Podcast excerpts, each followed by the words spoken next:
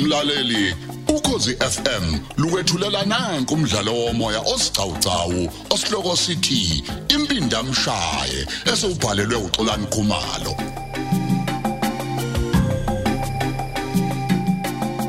lesi isiqephu sesithathu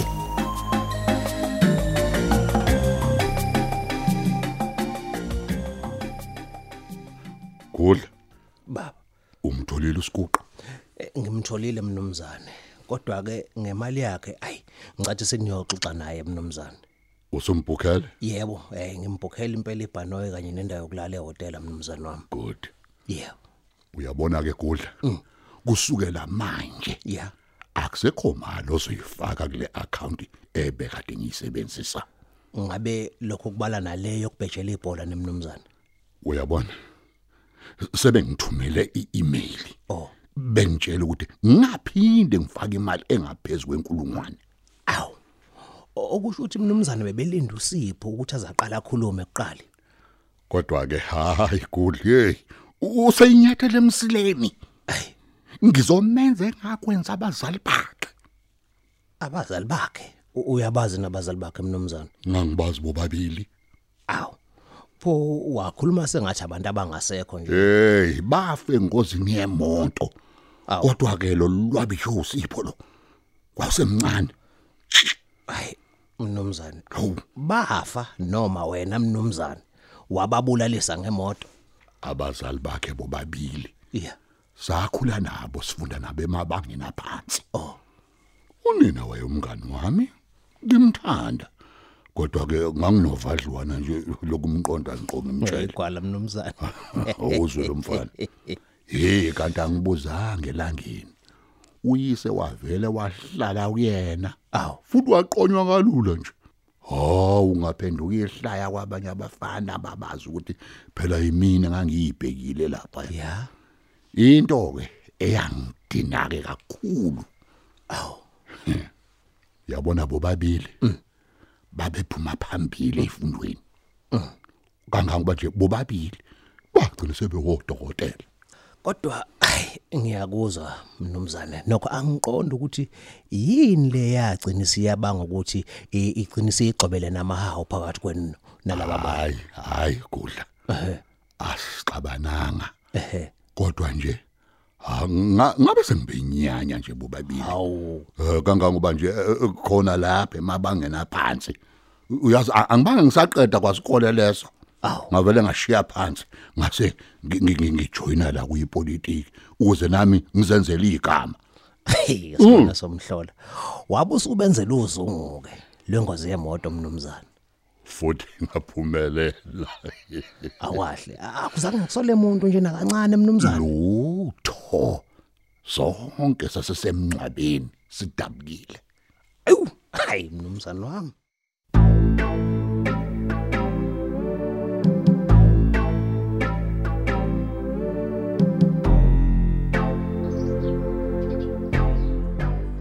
ha senzo sasiqedile nomnikazi wendlu hayi bandoda umuthi uqedile usho ukuthi uvumile ukukudayisela noma unqabile ukukhuluma futhi into ephelele ha hayi indle yakho senzo eh ya bengifuna ukukhuluma nawe kuqala uyima wo manje uthi nizokokelana kanjani emadoda uma ngithi sesiqedile ngisho ukuthi imali yakhe ngiyithumele kuyena ngesikhathi kade sihlezi naye wayithola kahle mfowethu okhiye bendlu bakumina manje hayibo ngiyakutshela aw mfana kithi eh, eh, sipho mfowethu eish yini uyazi ngavele ngangazi nokuthi ngithini futhi ah, angazi ukuthi le mali engaka ngiyoyikhokha kanjani ngihlele ekhaya ngingasebenzi kodwa ngiphethe ama degrees amathathu onke mfowethu hey senzo usufana nomfowethu kumina futhi ngiyazi ukuthi uyoyikhokha nini kanjani khululeka wena Ewu, ndoda u- wakhuluma sengathi usungitholele nomsebenzi nje Eh kwesinye isikhathi ithuba lokuba nemali livele lisiveze lona nje mfana. Eh, hayi angisakuzwa ke ukuthi uthini manje Yeah. Angithi Nkonzo. sasivumelene ukuthi siyomlanda umama wakho. ya ngiyakukhumbula lokho Ko- kodwa kuhlangana phi nalento esikhuluma ngayo manje yabona senzo mfowethu njengoba usufana nomfowethu nje ya ngifuna wazi ukuthi mina ngikufisela konke okuhle awu mfana kithi umalume wami uyamazi nawe angithi ukuthi uqweqwe lommeli yamkhumbula lo malume wami eyima-ke ng- ngiyakuzwa nalokho awukakawuphenduli umbuzo wami usaloku ujikeleza ndawonye nje sengathi yinje ifuna ukuchama awukhuluma into ezwakalayo sipho njengoba ngithi umalume wami nje ungummeli ehe ngifuna ukuthi uma uma wakho eke waphuma lapha ngimkhokhele umalume amele kuyiwe enkantolo awusipho mfowethu ngiyakutshela ayotshela inkantolo ukuthi mayitshela uvezi amnike uhalf wefa lakhe ngoba sebehlukene njengoba ke ebeyi common law wife yakhe Eh, eh, come on bani common law wife hayibo sipho umama phela akashadile benovezi manje usufuna wena siyisovezi sayisovezi ke manje sizama ukuthatha izimali zakhe la A- a- hayi ukuthi kunendaba ngokuthi abashadile uyabona ayi futhi angazi ukuthi ngabe udelela kanjani ukube bashadile mfowethu hey kuningi mfana okusafuneka ukufunde uvezi ngimtshelile ukuthi mina ngizomshaya ngimehlule emidlalweni wakhe I- yeah mangiqale ngiyibeke ngesilungu lento Hawu, bese khuluma mfethu. ngiyicaciseke ngesizulu nakuba ngazi ukuthi ufundile as well Common law wife or husband is a person that a woman or a man has lived for a long time and is recognized as a wife or husband without a formal marriage. yeah Lento ke ithi senzo i-common law wife ngumuntu wesifazane noma oyindoda asebehlalisane isikhathi eside yeah Um- ubungakaze waba khona umshado semthethweni ayiyayi uyangidida kancane ya ya, ngiyaku- ngiyakuzwa mfethu kodwa ke awucacisi la ubani onqumayo ukuthi sebehlalisene isikhathi eside kangakanani ukuthi bathathwe njengokuthi bashadile Angithi uma wakho novesi sebehlalisana eminyaka engaphezulu kweyishumi engakaza amshiye futhi uma wakho. ya kunjalo mfethu Ya, angithi ngakho ke kufuneka siye enkantolo iyohlukanisa inhloko nesixhanti. sipho Uma nje kunofakazi bokuthi ngampela sebehlalisane sonke lesisikhathi. Hayi ke kuzombhedela uvezi. Uyazi baningi kanjani abantu besifazane bexhashazwa mfethu ngoba bengawazi amalungelo abo. emake lo mthetho kodwa usho ukuthi waphasiswa nje naseparlamente cha i-common law umthetho oveliswa amajaji imithetho lesuka emasikweni noma ezinqumweni ezisuke zithathwe amanye amajaji oya ya sangimbizile kumalume uzofika asho lento nje nami engikutshela yona hey maningi amadoda esisazowaphenya amabheshu ngiyakutshela ey kodwa ngeke azayivume loo nto uvezi mangibheka nje kanti uyazi ke mina ngifuna angayinokuya enkantolo nenze nje isivumelwane nommeli wakhe anike uma wakho uhalf wefa phela ey wena usho uzazi zonke nje izinto anazo nemali anayo lo muntu okuningi sengikuphenyile okufaka imizi yakhe esedolobheni namaplaza amabili mfowethu elinye lawo lalamaplaza kufuneka kube elenu nezinkomo nayo yonke imfuyo yakhona Eish, manje uma enqaba ke umama ukuthi ahambe kuzo- kuzomisoka kanjani akekho umuntu ongamnqabela uma esefuna ukuhamba izovuma inkantolo nje ukuthi ahlomule efeni kodwa azihambele futhi abantu badivosa nsuku zonke lezi bazihambele kodwa ifa lihlukaniswe phakathi angithi hayi cha waze wayiqala ke impi mfowethu hayi ngithe ngikhuluma naye hey ngizikhulumela kahle naye washola ukuthi sengiyiphakile impi futhi uyayemukela yabona ke senzo umuntu onjengovezi akufuneki umnyeka azagadle kuqala kufuneka ugadle ibhuku elisesemaqakaleni kuyena Eish, umxhoso bezothi uzakulwa kube mdakisanti ngoba sebe bethwa intonga ngoku lokhu kusho ukuthi seziyakhala ke manje hayi lokho akubuzwa ke mfana kithi mfowethu Yabona mhlawumbe lesi esinye sesizathu esenze ngangaya ukumvulela amacala ngoba yonke le mali anayo ibizogodlwa ke kuze kuphele amacala. Enye into ongamsabisa ngayo futhi ukuthi uzongafuni lutho kodwa nawe ube yingxenye kumabhizinisi akhe. hey iqondo ke loyo Oqala nje ningakayi enkantolo.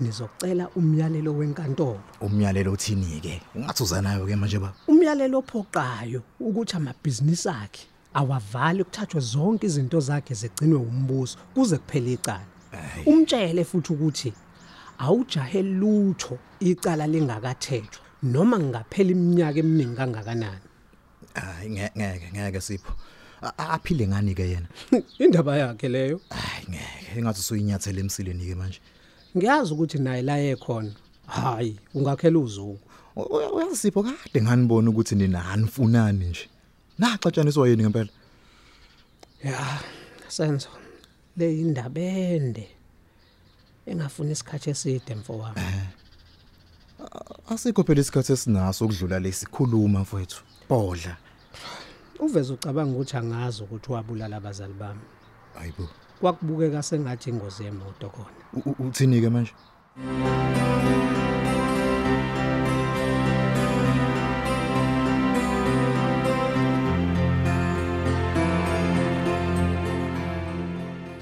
yazi kuyama mnumzana kunento engiphicayo lapha yini ngiyayibuza ukuthi yini edala ukuthi lo mfana akugqobela amahawo njengoba kuyacaca ukuthi phela benivele ningamahele naye kanti nihlangene phezulu njengamagaya esihlahla hayi namangazi awu kodwa nje mina ngifuna siphele nya lesibongana sakhe singajwayelekile la kanti luthini usendo lwakhe lo mfana mnumzana ungwakwatenza awu Ng- ng- ngifuna akhulele ejele impilo yakhe yonke lo satane lo awukahle ke mnumzane njengoba ke lo mthombo wakho usuyindli ivaliwe nje manje imali zakho seyizodla lapho ngoba phela angeke ihlale zihlale lapha endlini mnumzane lalela ke izimali zami zonke uma seyibaliwe masiyele emaplazini nami kodwa hayi phela kuyefinish eh no no no no, no. njengomunye umnumzane hayi hayi hayi kuzofuneka simba umgodo omkhulu lapha kuleli ahlaka elingezansi yebo mnumzane wami sigqibe khona idranki lokhethe Yebo. elikhulu lapho izohlala khona lapho kuzoya mina nawe kuphela manje ke mnumzane le inkece yakho ke ebisebhange yona siyenze njani hayi ngeke ngikhiphe leze bhange ngoba phela uyabona nje a- a- a- angisafuni lutho nje olungihlanganisa nalo mfana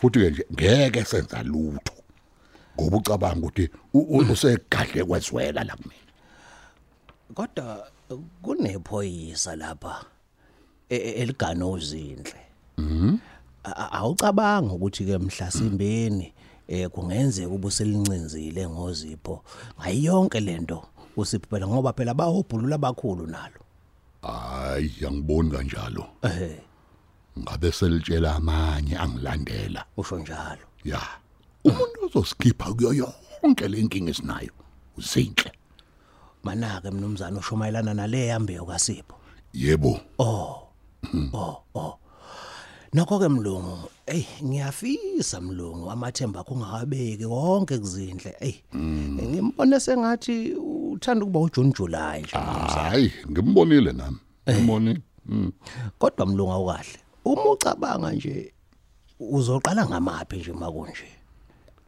hayi ngibona ukuthi kumele ngikhuphule imali Eh. enye kuzoyithola emva komsebenzi oh hayi nokho ke mlungu mina bengothi u- ulenze lithi kuba likhulu phela i- ivenge khona lizoheha bona liconse samathe mina bengithi kuzobalula ngoba nje engakafiki usindi la yeah uzinhle wayembheke ngamehla bomvu sipho aw kanti kade ehlala kupho senti mnumzane Oh, umuntu wale emakhaya oh eh la kuhlala khona abazali bakhe. Oh. Nabo nje ah, abantu abayihluphekelayo. yeah Eh basebejahe kabi agane. Lo mfana ke ubezolobola kulona leli sonto. hayi kwahle wena Eh, Bekufanele benodadwabo bagoduke. Ngavele ngamthuma ke ngamabomu uthuli. kodwa mlungu uningi ukuthi umntakadadewenu lo uyokwazi ukuyifihla yonke into kaSipho umuntu ohlulekayo ukugcina imfihlo uyagoduswa ayolandela eh, amashobe enkomo emakhaya mlungu wami cabo uthini lo kwagoqa nyawo hawu uzindle hayi akaseyena umshana wami hawu futhi angikwazi nakubo hawu yo ngamfaka ebhangi nje ngendlela yami ngoba ngivuna ezwe ngami wemlungu A- abantu nje balana abayazi yonke loo nto leyo ngisho nendoda yakhe ubhengu lesithingithingi lesi asazilutho kodwa hayi mlungu ngangithi ulobola kwena nje ungcolosi kanti kwangenjalo kanti ubani umalume owaziwayo la endaweni hm nendla ahlala kuyona eyami hayi hayi